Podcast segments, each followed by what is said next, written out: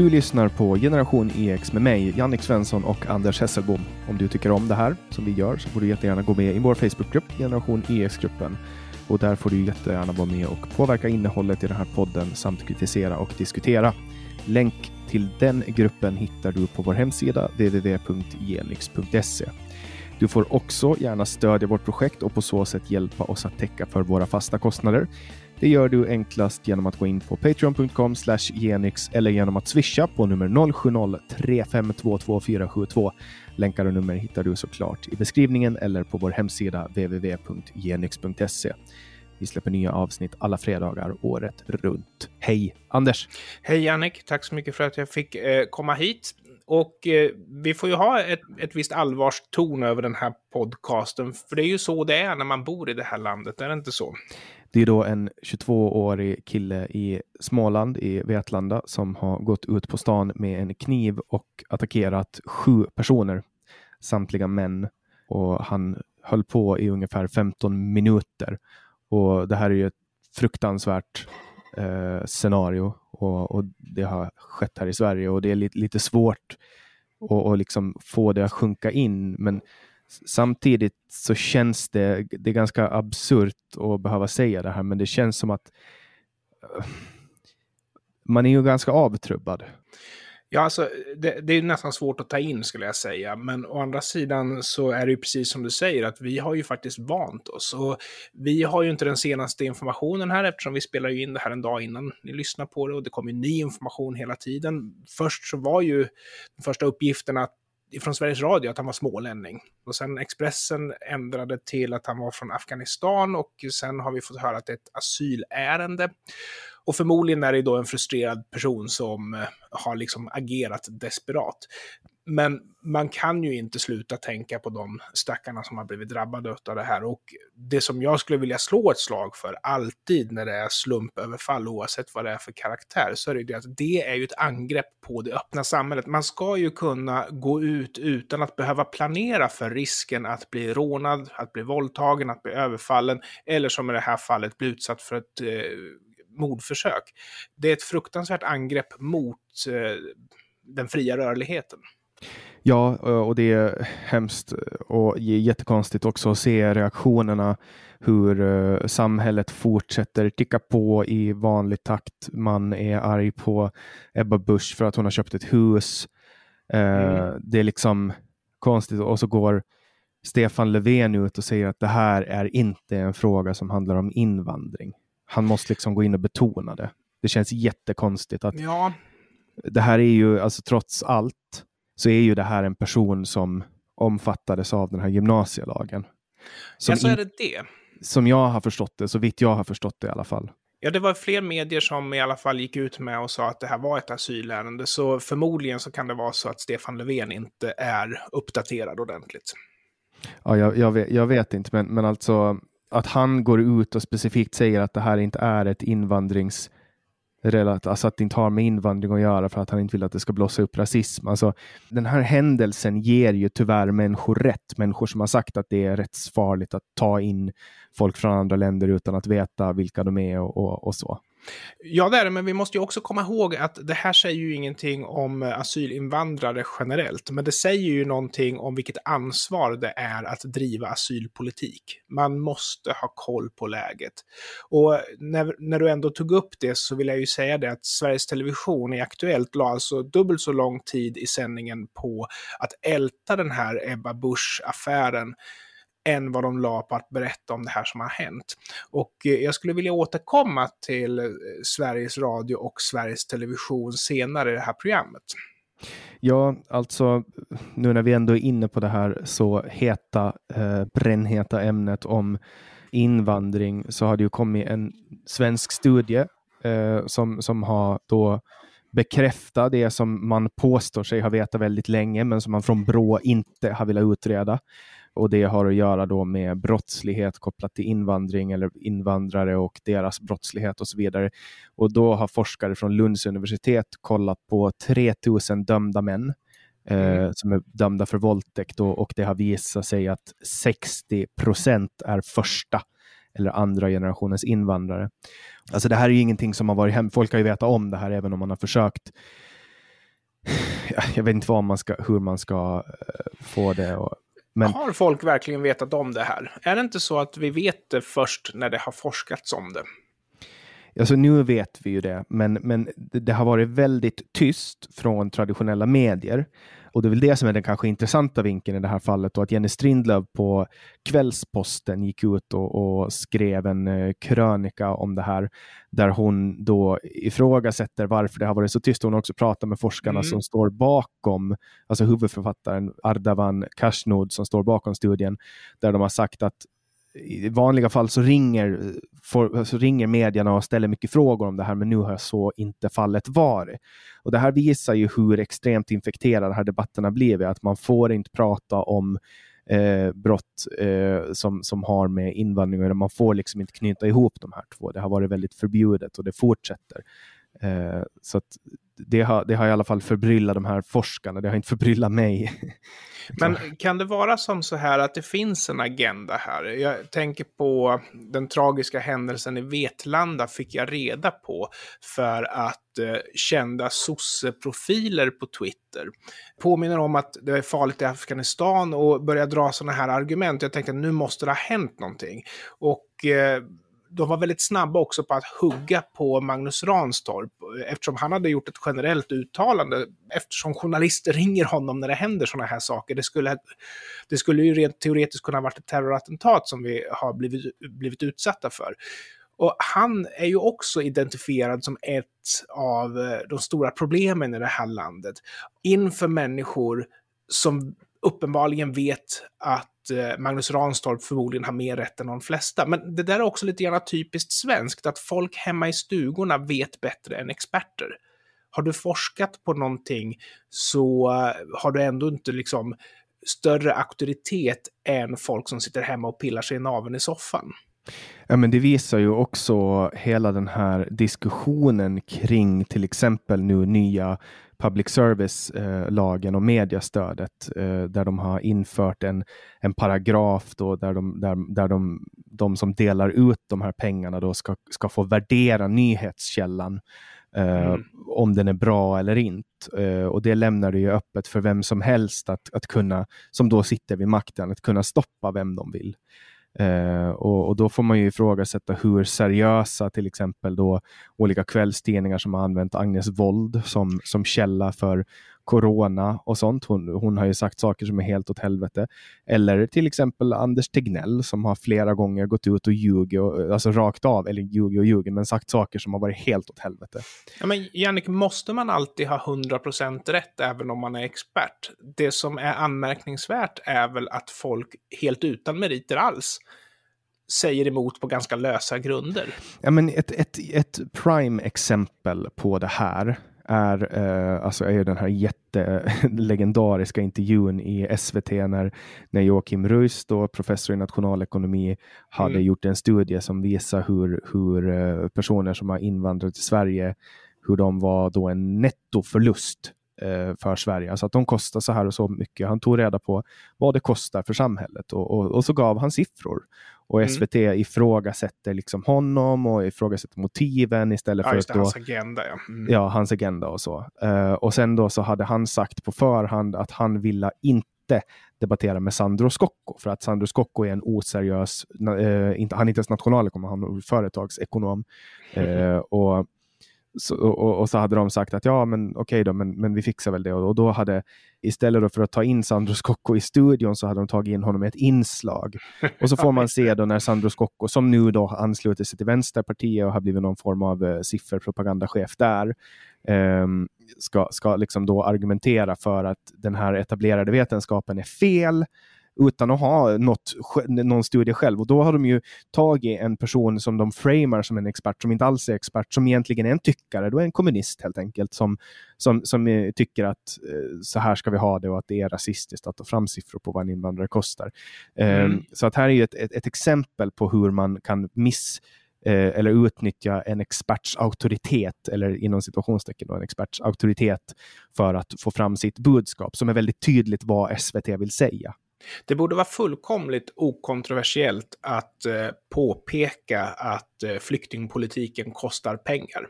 Ja, och det För... borde vara fullständigt ja. okontroversiellt att påpeka att en person som har attackerat människor i en liten småstad i Småland är mm. utländsk. Det är inget konstigt. Nej, vi, vill ju veta, vi vill veta vem han är. Vi vill var, veta var sanningen. För, var han kommer ifrån, vad han har gjort tidigare, vad han har his för historia. Då kan man inte säga att det är en man som är 22 år som har haft psykiska problem, men man utelämnar det faktum att han, att han kommer från Afghanistan. Nej, och jag menar flyktingpolitik handlar om humanitet. Det handlar inte om att vi vill tjäna pengar på dem. Och det där argumentet är någonting som jag kan bli ganska irriterad på Socialdemokraterna för när de säger att det finns ett lönsamhetsmotiv. Om vi bara väntar så kommer det rulla in pengar. Men det är inte anledningen till att vi tar in flyktingar och det ska inte ens tas upp som, som värdering när man avgör om en person ska få stanna i landet eller inte, utan det ska ju vara skyddsbehovet, alltså asylskälen ska ju gälla. Så jag tycker Socialdemokraterna har tappat det helt här och jag skulle nästan vilja säga regeringen här, för den här kängan borde träffa Miljöpartiet också. Men det är väl någonting med det här att vi anses inte vara mogna att hantera information. Det, det gör mig ytterst eh, bedrövad och eh, jag är förvånad över att det finns människor som kan acceptera det här filtret. Därför att de tänker säkerligen att ja, men jag själv kan ju hantera information, men folket kan inte det. Och sen så hamnar vi i ett läge där folk sitter hemma i stugorna och säger emot experter. För liksom, de vet ju att filtret finns där. Mm. Nej men alltså som till exempel, eh, alltså bara för att studsa tillbaks då till, eh, till public service och hur public service behandlar eh, information. Nu har ju Bulletin då som har en ny borgerlig tidning som har startat som blev väldigt hypad. De behövde starta tidigare för att det börjar läcka plocka ut massa saker och de har fått jättemycket växtverk.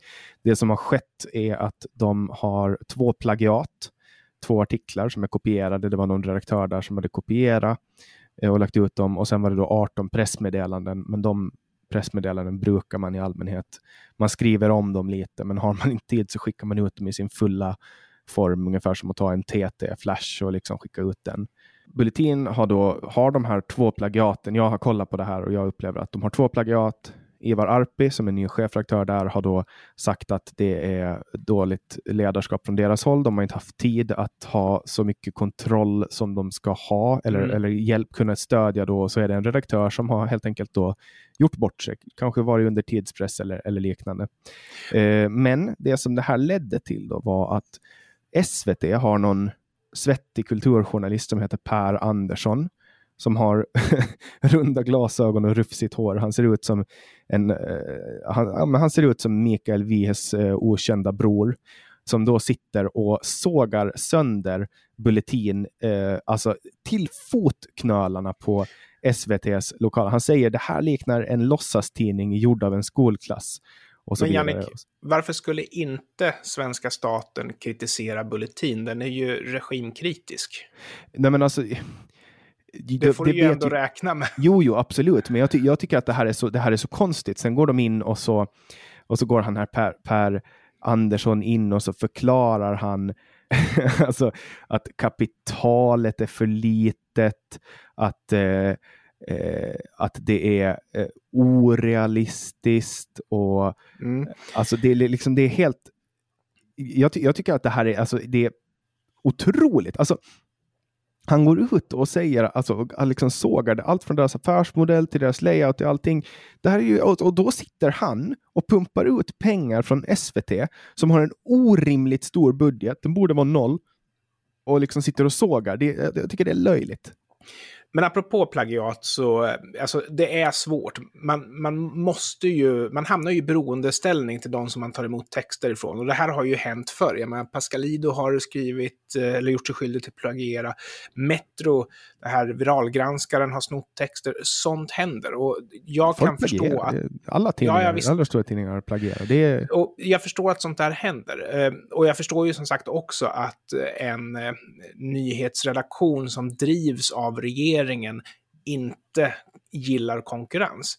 Men det som jag däremot tycker är konstigt, det är ju att Sveriges Televisions ledarsida är alltså oberoende objektiv. Dagens Nyheter är borgerlig, Aftonbladet är socialdemokratisk, Expressen är borgerlig. Men SVTs ledarsida är oberoende objektiv. Men jag misstänker att de inte är så jäkla objektiva när de skriver ledartexter. Och det här är inte en ledartext, det är en analys. Och så här skriver SVT. Det är en ledartext, Jannik. Det är en ledartext som säljs in som en analys. Så här säger, så här står det i alla fall på SVTs hemsida. Det här är en analys. Slutsatserna är journalistens egna. SVTs medarbetare agerar inte i något politiskt parti, företags eller intresseorganisationsintresse. Nej, de är objektiva. de är ju inte beroende av statens pengar. Det är förenligt med SVTs sändningstillstånd, paragraf 8, att kommentera och belysa händelser och skeenden. Okej, okay. jag vet inte om skicka ut någon gammal svettig kulturreporter att såga en, en tidning är förenligt med sändningstillståndet. Jag vet inte, jag tror att det är en ganska löst förankrad tanke som de har. Ja, och eh. varför skulle vi vara intresserade av att SVT ägnar sig åt sånt här överhuvudtaget? Liksom? Jag menar, om den här killen har det här att säga, då finns det ju faktiskt fri media han kan vända sig till. Han kan till och med skaffa en blogg om han skulle vilja göra det. Ja, men exakt. Och jag, jag tycker det är, ja, det, är i alla fall lite så här. Det, mm, mm, så, men bara för att hoppa över till någonting, eh, någonting lite lättsammare så har jag på rådan av min vän Lasse Kongo. Han heter inte Lasse Kongo, men eh, han kallas Lasse Kongo. Ja, han, han, eh, fick mig att köpa en airfryer. Eh, ja, du, jag har också sett reklamen och jag måste ju säga att det ser ju så gott ut när de lagar. Eh, det är kycklingen som jag tycker ser så god ut. Ja, men kyckling ser alltid god ut, men det är för att den är god. Men jag kan lova dig Anders, att om du börjar fritera luft och bara äta det, så lovar jag att du kommer att bli smal också. Ja, det skulle... Ja, piken har nått fram. Mm. Jag gjorde mig lite rolig på att det heter airfryer. Det är ju inte en fritös. Alltså jag tror att, de, jag tror att, att, att folk kopplar allting som är friterat till någonting som är gott och därför väljer de att använda airfryer, även om jag skulle kalla det för en varmluftsugn i miniformat mm. eller en varmluftscirkulationsugn. Men det här fenomenet känner jag igen från innan airfryer fanns att köpa. Och det var faktiskt från en restaurang i Örebro där de serverade pommes frites som var liksom luftfriterade. Men det är ju egentligen bara väldigt, väldigt varm luft. För pommes fritesen har ju olja i sig även om man inte friterar dem med olja. Då är de ju förfriterade olja i alla fall och därför så går det liksom att citat fritera dem i luft. Mm. Ja, nej, men jag tycker att det här är ett ypperligt verktyg för att på ett snabbt sätt laga mat. Jag gillar ju att komma ner i tid och mm. det är väldigt lätt att stoppa in någonting. Jag gjorde halloumi till exempel i mm. airfryern. Det tog inte ens 15 minuter och den blev mycket bra. Eh, samma med potatis, där behöver man tillsätta lite olja eh, eller smör just för att du får inte ut smaken ur potatis om du inte har salt eller olja. Men, men jag vill faktiskt rekommendera att folk uh, köper en airfryer. De är inte superdyra, kostar tusen spänn. Jag köpte av ett, ett uh, välkänt märke och jag är jättenöjd. Vi har ju gått lite grann åt andra hållet i vårt hushåll, för vi satsar ju på sånt som tar tid att göra istället. Så när vi äter så ställer vi fram stekbordet på matbordet. Och sen så sitter man och plockar med sin egen mat och sådär. Och vill man ha en bit kött så lägger man den på stekbordet, vänder på den och sen så äter man det. Så det alltid är färskt så att säga. Men det är ju motsatsen till att det ska gå fort. Ja, nej, men jag, har ju, jag har ju ett liv på sidan uh, utanför den här podden också. Så att... Det har inte jag, så jag vill bara njuta av livet. jag förstår det. Statligt anställd och sitter hemma med någon jävla stekbord. Jag kommer få äta upp det här att min lön kommer ifrån svenska skattebetalares pengar. Det kommer jag få äta upp många gånger. Men jag vill bara säga det för protokollet, att jag har jobbat i nästan 30 år i den privata sektorn och bara några månader på en statlig myndighet. Så jag vill bara säga mm. det.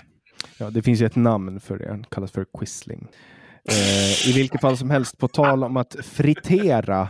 Eh, nu har ju Amerikas president, vi alla vet ju hur mycket amerikanerna tycker om att fritera. Nu mm. har deras nya president börjat fritera araber. Eh, han har då börjat kasta ut bomber i östra Syrien. Det var väl eh, bra när han gör det. Jag vet att eh, man var väldigt orolig för att eh, Donald Trump skulle börja bomba omkring sig. Men det skedde ju aldrig. Men nu när Trump är borta så är ju opinionen för att fälla bomber över andra länder helt plötsligt vänd. Jag tror att folk skulle vara mycket mer kritiska om det här skedde på Donald Trumps order, men nu sker det på Joe Bidens order och då tror jag folk är ganska chill om jag ska vara helt ärlig. Ja, han är ju godheten personifierad och han har ju skrivit under Parisavtalet, så nu mm. är ju han då, kommer antagligen att få fredspris, tänker jag de här bilderna som bubblar på där han kladdar på småungar, jag har inte ens kunnat se dem där, men jag de är skrev... Bortglömda. De är bortglömda. Jag skrev ja. på Twitter att jag, ens har, att jag till och med har svårt att titta på dem för jag tycker de är så obehagliga. Men det skapade en hel del ont blod, därför att det menade flera som svarade mig att jag sprider konspirationsteorier, det vill säga det här Qanon, att världen styrs av pedofiler. Men det var inte det jag sa. Jag sa bara att jag tycker det är obehagligt att se honom kladda på småungar. Det var det enda jag sa. Och det står jag ju för. Ja, jag kan berätta vad jag tycker är äckligt och jag tycker att det är äckligt när Hallengren kladdar på osanning. Såg du 30 Då... minuter med Anders Holmberg? Nej, alltså jag har lite svårt för att eh, alltså, sätta mig ner och titta på sånt här. För det finns ett ord som ni kids använder som heter cringe. Och jag känner cringe när jag ser Hallengren och jag känner cringe när jag ser eh, det här intervjuprogrammet. Så jag undviker det faktiskt. Mm. Nej, jag skrev faktiskt om uh, en uh, tweet åt uh, Anders Holmberg. Jag, jag, mm. jag bettade på att jag skulle bli blockad av Lena Hallengren. Tyvärr så har hon inte blockat mig. Det ska vara jätteroligt. Men han skrev då, Anders Holmberg skrev, imorgon onsdag är socialminister Lena Hallengren gäst i 30 minuter. SVT Play 19.00, SVT 2 21.45. Och då skrev jag om den här till Imorgon onsdag får socialminister Lena Hallengren skylla på andra i 30 minuter. SVT Play 19.00. Och eh, det här som jag skrev visade sig vara mer korrekt än det som SVT Holmberg skrev. För jag lyssnade på det här och det var som att lyssna på en skuren dieselmotor som försöker mm. dra runt med startmotorn. Alltså det var fruktansvärt. Hon är den halaste jävla människan jag har sett. Hon är halare än en ål och uttrycket hal som Hallengren borde bli inskrivet i de svenska ordböckerna för resten av framtiden. Jag har aldrig någonsin sett en människa som har så osund inställning till sanningen. Alltså hon, det, alltså vill ni se en patologisk lögnare? Ett exempel på en patologisk lögnare eller jag vet inte, kanske till och med, kanske inte lögner, men, men vill ni se exempel på förträngningsmekanismer ett psykologiskt exempel. Kolla på 30 minuter med Holmberg när han intervjuar Lena Hallengren, när hon sitter och duckar alla svåra frågor som finns. Uh, det, lå det, låter som att Anders Holmberg ändå gjorde ett bra jobb och ställde rätt frågor. Kanske då att han missade lite grann på att han lät henne smita, men han, han ställde bra frågor, eller? Ja, men jag tycker inte att han gick på så hårt som han borde göra, därför att du har alltså då Lena Hallengren, han, han gick ju på henne, men han mm. lät henne komma undan undan. Alltså för att alltså, han kan inte säga liksom uppenbart nu stopp. Ta ansvar eller kräva ut ansvar. För det är ju det som, som Lena Hallengren gör. Hon, hon tar ju inte ansvar för någonting. Och samma sak hur hon, hon sa, som, som den skyddsutrustning det är, sa hon flera gånger för att hon då mm. Hon har sagt tidigare att, att munskydd inte har någon effekt och sen nu går hon ut. Sen har hon gått ut och sagt att hon alltid har tyckt det och då har hon liksom. Hon, hon liksom fintar undan det genom att sätta fokus på en bimening, bisats som då ja. att hon sa som den skydds, att vi ska, man ska alltid använda skyddsmask som, eller ansiktsmask som den skyddsutrustning det är. Och då lägger hon fokus på bisatsen om och om igen. Alltså det var tragiskt att se. Alltså där, de borde ha stannat hennes mikrofon och sagt lögnare. Ditt patologiskt lögnare Håll käften din dumma jävla Där blir det mycket att pipa Anders. Men ja. jag blir eh, arg. Men jag, jag gillar inte Anders Holmberg, men jag tyckte att han skötte sig bra när han ställde på Ebba Busch om den här husaffären. Eh, sen så tyckte jag i och för sig Ebba Busch skötte sig väldigt bra när hon svarade. Och det var just det här att alltså, alltså fokus på politik. Och ska man vara helt ärlig så är det ju så att det är ju många på Twitter som bedyrar att om du till exempel har köpt ett hus och det är nyss köpt och ägaren ber om att få tillbaks huset så ska man lämna tillbaks huset. Det är väldigt många på Twitter som, som tycker så. Men däremot när Ebba svarar på den här kritiken så finns det en annan röst som säger att eh, nej men hon måste fokusera på sakfrågorna. Men det tyckte jag var hennes, hennes comeback till Anders Holmberg var att nej, jag pratar hellre om politik. Och handen på hjärtat, jag tror att många som köper hus idag, de är inte heller beredda på att lämna tillbaka huset eh, om ägaren ångrar sig efter att avtalet har tecknats. Och ju längre tid och ju, ju längre du har kommit i processen, desto mer kommer du känna att huset du har köpt är ditt hus. Så jag tror att mycket av den kritiken som kommer till Ebba Busch kommer från folk som själva skulle agerat precis likadant. Men med det sagt, Anders Holmberg. Jag har inte sett den intervjun med Nej. Ebba, men uh, jag, uh, alltså det, det får man får, de får ju ta upp det här i en do, domstol som får avgöra ärendet.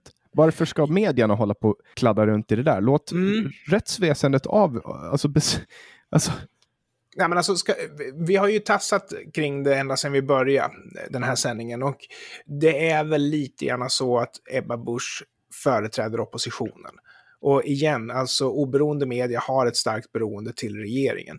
Och visst, det finns en stiftelse som sitter mellan regeringen och eh, mediebolagen och den stiftelsen tillsätts av regeringen. Så indirekt så är det ju faktiskt regerings-tv. Och det är många som säger statlig tv, som om staten har någonting att säga till om här. Men staten är den som står för kulorna, det vill säga vi. Det är inte staten som bestämmer över Sveriges Television eller, eller sådär, utan det är ju som sagt, det är regeringen som äger den här via en stiftelse, Sveriges Television. Mm. Ja, nu har, ju hon, nu har ju Åklagarmyndigheten inlett en förundersökning om grovt förtal mot henne. Ja, jag eh. läste faktiskt inlägget som orsakade den eh, anmälan. Ja, ja eh, och då lyfter hon upp att ombudet, som då är kopplat till säljaren, är dömd för ett brott. Ja, ett ganska allvarligt brott dessutom. Och då är det ju rätt, då ska hon ju ska ju utvärderas liksom. Så ja, man får men, inte men alltså, påpeka alltså, sånt är, är, det, är det ett brott att berätta om offentliga uppgifter, tänker jag. Ja, det kan det faktiskt vara. Hur?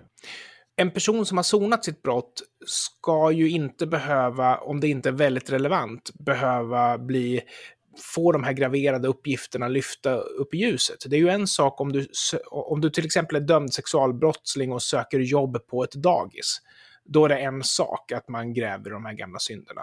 Men är det så att du försvarar en person som vill ha tillbaks sitt hus, då ska det inte spela någon roll att du liksom ja, har begått ett allvarligt brott som inte är relevant till ämnet. Så offentlighetsprincipen betyder ju inte att du får säga vad som helst om vem som helst ens om det är sant.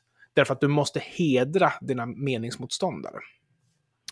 Ja, hur, eh, hur uppfattar du som läste det här inlägget? Jag eh, tyckte att eh, det gick över gränsen. Jag skulle nog ha sett mellan fingrarna och inte Eh, liksom väcka åtal om det vore upp till mig. Därför att jag tycker att Ebba Busch Thor har pressats hårt till att komma till det här läget. Så jag skulle inte ha brytt mig. Jag skulle snarare ha dragit i handbromsen tidigare och liksom, okej, okay, nu vet vi. Hon vill inte lämna ifrån sig sitt hus och därför är hon en dålig människa. Jag tycker media har ältat det här alldeles för hårt.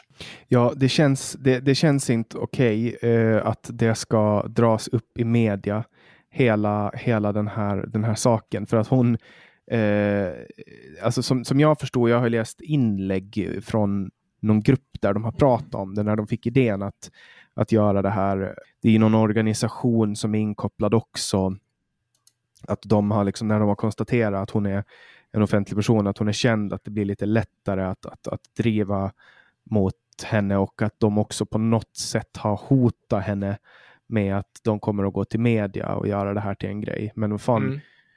alltså om hon har ju, om husaffären är olaglig, låt en domstol upphäva den.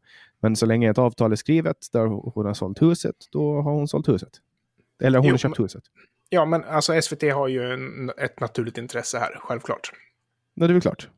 Skulle det vara Stefan Löfven så tror jag nog inte att det ska vara snack om saken. Då, är ett avtal, då ska ett avtal vara ett avtal. Ja, jag tror att Stefan Löfven hade nog inte krävts att lämna ifrån sig sitt hus. Jag tror faktiskt inte det. Jag tror att media är mer... Alltså han är ju landsfadern. Och jag tror inte Annika Strandhäll hade behövt att lämna ifrån sig sitt hus heller, för då eh, hade det nog blivit en, en feministisk fråga eh, kring det här. Då. Jag skulle också säga att eh, om nu den här affären inte ogiltigt förklaras så blir ju säljarens barn inte arvslösa i alla fall, så det är alltid någonting. men var det, var det bra pengar eller i det här huset? Nej, det var inte jättemycket bra pengar, men huset var ju borttestamenterat till eh, någon kursgård eller vad det var. Okej. Okay. Men du, eh, avslutningsvis, vi har ju pratat om det här med rasism och att ha skådespelare som har fel hudfärg för att göra sin roll. Och eh, jag vill ta dig på pulsen vad du säger om att Zoe, Zoe Saldana. Sa jag rätt nu, Jannik? Jag vet inte. Det är en sån, ah. här, det är en sån här böj över n så att då kanske det är Saldania. Ja, ah, just det. Tack så mycket. Hon har spelat jazzikonen Nina Simone på film. Och det har orsakat en debatt om blackface. Eh, det är nämligen så att hon har en ljusare nyans av brun hy än vad jazzmusikern Nina Simone har, eller hade. Och då är frågan, vad betyder blackface? För det första så är blackface en underhållningsform där man sminkar sig svart i ansiktet och vita läppar och sen så gör man roliga miner och sånt där. Som väldigt nedlåtande naturligtvis mot, mot eh, afrikaner, självklart. Men det var en, en, slags underhållningsform. Sen har det här blackface kommit att användas lite överallt. Eh, du kommer kanske ihåg att eh, Kanadas eh, president eh, Justin Trudeau har målat sig svart i ansiktet när han klädde ut sig till någon eh, Alibaba eller vad det var för någonting. Och han blev anklagad för blackface. Men där skulle jag nästan vilja ta Trudeau i försvar, för jag tycker att han målade ansiktet svart. Och här då, att, att det, det, som vi har nu i det här snåriga landskapet, det är att en svart skådespelare inte nödvändigtvis kan porträttera en svart jazzmusiker utan att den här diskussionen om blackface kommer upp igen. Så det jag vill säga här, det är att det är inte jättekonstigt att folk gör fel ibland, att folk eh, gör bort sig ibland, för det är snårigt att veta hur man ska agera för att vara alla till lags. Och det måste man ju vara nu när alla hugger så hårt med ganska grova nedlåtande beskrivningar om du gör fel. Alltså grejen med Zoe är ju att hon är väl, hon är ju inte afroamerikan, utan hon är väl, har någon form av latino-ursprung. Men när hon spelar Nina Simone så ser hon ju ut som Nina Simone. Och det är väl det som är huvudsaken. Man ska alltså, väl likna personen man, man... Han killen som spelade Freddie Mercury i den där filmen, han hade ju löständer. Så ja, men det hade inte behövts, men det hjälper ju på något sätt att man eh, klär ut sig till den man eh, porträtterar. Men ja, och han var ju annars... också arab, eh, om jag förstår, och, och, det var ju inte Freddie Mercury. Han kom ju från Zanzibar. Nej, han var från Irak från början, men han har aldrig bott där. Han är född i Zanzibar, men familjen eh, flydde ju från muslimskt förtryck. Okej, okay, okay, så han kanske hade... Men ja, det, det, finns, det, det, finns araber på Zanzibar, men, men skitsamma. Eh, han kom från Egypten tror jag, den här, den här killen som spelar. Ja, vad spelar det för roll? Det är ju teater. Ja, men så länge man liknar. Alltså, ja, och det är konstigt. Menar... Det är samma med, med Winston Churchill. Eh. Har du sett den? Nej, jag har inte sett den, men jag har hört mycket gott om den, så den ligger nog på listan över filmer som jag tänker se. Mm, det var ju också en, där, där lyckades de lyckades precis få, uh, få honom att, att likna. Mm. Uh, The Darkest Hour heter den. Uh, och det var Gary Oldman som spelade Winston Churchill. Och det blev hur bra som helst. Och det, ja, det, vi... det handlar ju om att, att Gary Oldman ser ju inte ut som Winston Churchill i, i vanliga fall, men när de sminkade honom så blev han att se ut som Churchill och det blev bra. Ja, det finns en dramadokumentär om Helan och Halvan och jag tycker att de som spelar Helan har de med smink då fått enormt porträttlik. Helt otroligt. Också förresten en väldigt, väldigt bra film som jag kan rekommendera. Nej, så jag tror att det kommer att göras fel även i framtiden, men eh, vi, vi, kommer nog få liksom, lära oss att leva med det här, att Anne Boleyn porträtteras av en svart kvinna. Alltså, vi kommer att behöva lära oss att leva med sånt här. Och jag kan leva med det definitivt. Jag tycker att fokus på yttre attribut, alltså hade det inte varit skådespelare och, och vi hade suttit och gnällt på folk över deras hudfärg, då tror jag många fler hade reagerat. Jag tycker att man har passerat en gräns här. Mm, jag såg någon skämtbild kopplat till det här ämnet. Det var någon det var en bild på en, en vit skådespelare, jag kommer inte ihåg vem det var, och så stod det Obama, att de ska göra en film om Obama. Spelar en vit man. Det säger jag. Gjort. Ja, men det skulle, vara, det skulle vara konstigt. Alltså, ja, alltså, det är klart att det är, men, men jag menar... Men alltså om man, om man skulle börja, alltså om man tar en, en säg att man tar en historisk person, ja. Martin Luther King, och så låter man eh, Jack Nicholson spela honom det skulle bli konstigt. På samma sätt som att man skulle ta en vit historisk person och låta en svart spela. Du tänker men, på Anne igen eller? Men tänk typ, men, men man tar, alltså uh, om det finns en, en svart uh, snubbe som, som har jätteliknande drag som Abraham Lincoln, om man gör honom, ja. sminkar honom vit, då är det ju inga konstigheter. Alltså liknar han Abraham Lincoln, det är ju enda målet det handlar om. Ja, och sen, sen, är det ju så att precis det du säger, det händer ju hela tiden. Du säger tänk om, men det händer hela tiden. Dessutom är det ju så att eh, även inom skönlitteraturen, om vi tar fiktiva karaktärer, så är ju de också rasöverstigande. Jag menar, James Bond är ju inte svart i Ian Flemings böcker, men skådespelaren som ska göra den nya filmen är svart. So what? Deal with it. Liksom... Då, då kan man ju snarare ifrågasätta motivet. Är meningen att är meningen att, att det ska återspegla tidens anda, det vill säga att vi ska Eh, liksom, eller alltså, man, man, det är motivet man ska ifrågasätta, ja. inte rollen. Gör Nej, men... han en bra James Bond-roll, då är det väl bra?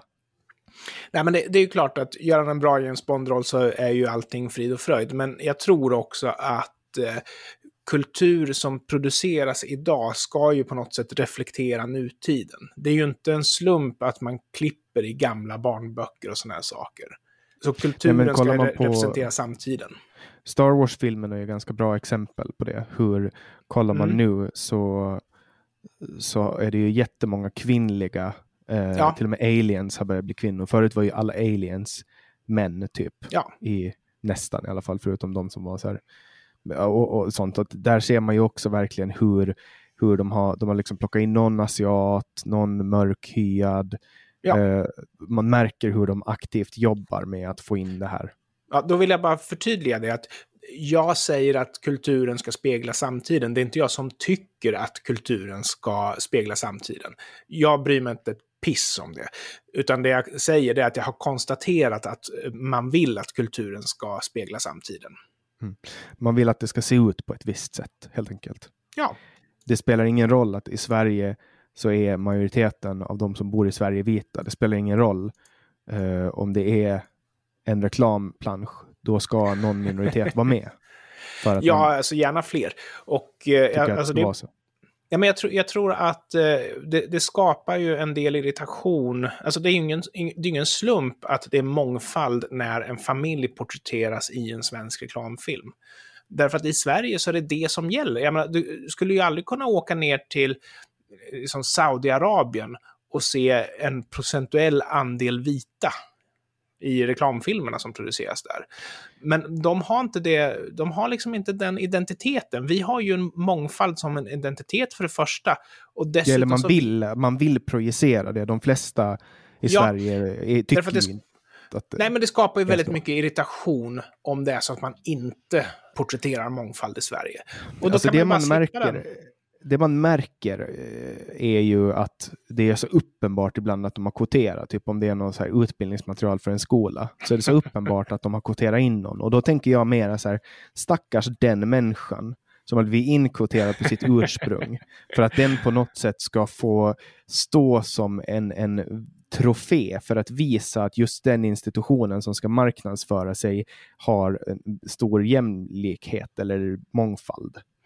När man tittade på skol-tv på 80-talet, på, när jag gick på mellanstadiet så användes skol-tv väldigt mycket för att lära ut engelska. Och det var ju liksom West End-britter allihopa. Det var, ju så, det var ju så jäkla, vad ska man säga, omångfaldigt så det fanns inte. Så det kanske är bra att man, man börjar blanda upp. Men som sagt, jag bryr mig inte.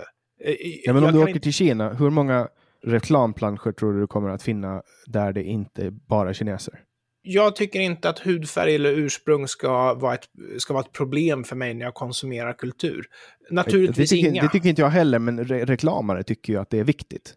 De ja, säger att vi ska visa på mångfald och därför plockar de ut någon. Varför ska reklamen vara den enda område där inte den som skriker högst får som den vill? Varför ska reklamen liksom stå över det, när ingen annan kan stå över det? Nej, jag vet inte. Man vill, att, man vill att världen ska se ut på ett visst sätt. Du har rätt. Det har du rätt i. Definitivt. Mm, och jag har köpt en häst. Gratulerar så mycket. Tack. Eh, eller en 25 procent av en häst. Ja, ja, så nu kommer du casha in här. Eller det, kanske ska träna först. Man ska, man ska, man, jag tror att man utgår ifrån att man kommer att förlora, men uh, det ska bli man spännande. Måste gilla, ja, man måste gilla hästar för att köpa en häst, antar jag jag gillar hästar väldigt mycket. Men nu, mm. nu, har, nu är 25 procent av han min och det är jätteroligt. Ja, jag har ju en andel i en häst. Jag har ju fått det av dig. Ja, i julklapp.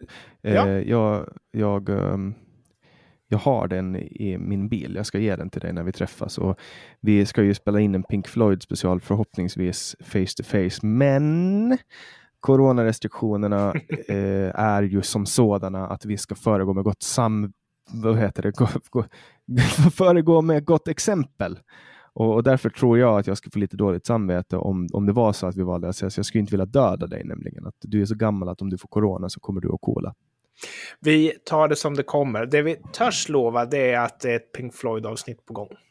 Mm. Och jag, eh, jag eh, jobbar hårt för att få Anders att gå med på att det ska bli fyra timmar. Uh, han menar att det kommer att vara två timmar, men jag tycker att det ska vara fyra timmar. Jag har inte sagt några två timmar. Jag har sagt en timme och kanske på sin höjd 90 minuter. Jaha, jag tror du menar en timme och 90 minuter. Nej, två, fyra timmar kommer det bli. Man kan inte avhandla någonting som Pink Floyd utan att göra det på fyra timmar minst. Vi får se vem som har rätt. Mm. Och eh, du som har lyssnat idag har lyssnat på Generation YX med mig som heter Jannik Svensson och med den andra rösten som du har hört som är Anders Hesselbom. Eh, han är då gamlingen och du får jättegärna stödja det här projektet. Det kan du göra genom att gå in på patreon.com genix eller genom att swisha på nummer 0703522472. Det här som jag just räknade upp för dig, eh, numret och länk hittar du i beskrivningen till det här avsnittet eh, oavsett vilken plattform du lyssnar på eller genom att gå in på vår hemsida www.genix.se. Du får också jättegärna gå med i vår Facebookgrupp Generation EX-gruppen. Länk hittar du också på hemsidan genix.se. Vi släpper nya samtal alla fredagar året runt. Tack för idag Anders. Tack så mycket Jannik. Hej då!